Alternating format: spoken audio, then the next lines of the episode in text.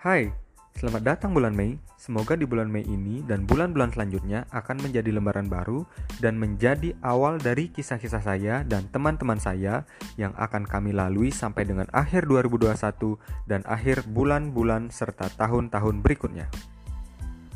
Banyak banget pembelajaran di bulan-bulan sebelumnya, khususnya di bulan Oktober sampai dengan bulan April. Dan pada akhirnya itu memuncak di bulan Maret dan akhirnya juga saya akhiri sampai di akhir April kemarin. Ada banyak sekali momen-momen yang saya lalui, bahkan sebuah kehilangan dari sebuah hubungan yang tentunya memberikan pembelajaran dan juga pendewasaan untuk diri saya. Di bulan Mei ini, saya putuskan untuk memulai lembaran baru, menulis cerita-cerita saya dan menulis hal-hal yang akan saya gunakan menjadi pribadi yang lebih baik ke depannya.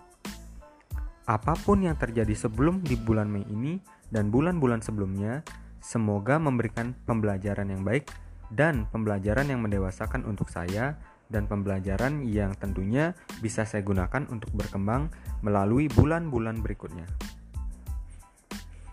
Tidak ada yang perlu disesali, tidak ada yang perlu ditangisi, karena apa pun yang sudah terjadi, biarkan berlalu, ambil hikmahnya, kubur buruknya, dan jadikan semua sebuah pembelajaran untuk kita berbenah di bulan-bulan selanjutnya.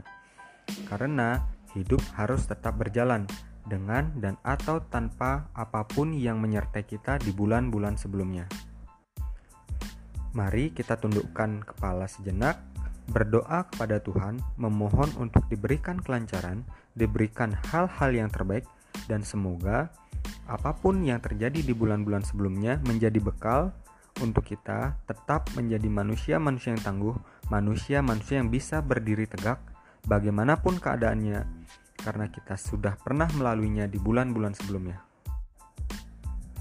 Bulan Mei jadilah awal yang baik untuk saya dan teman-teman saya.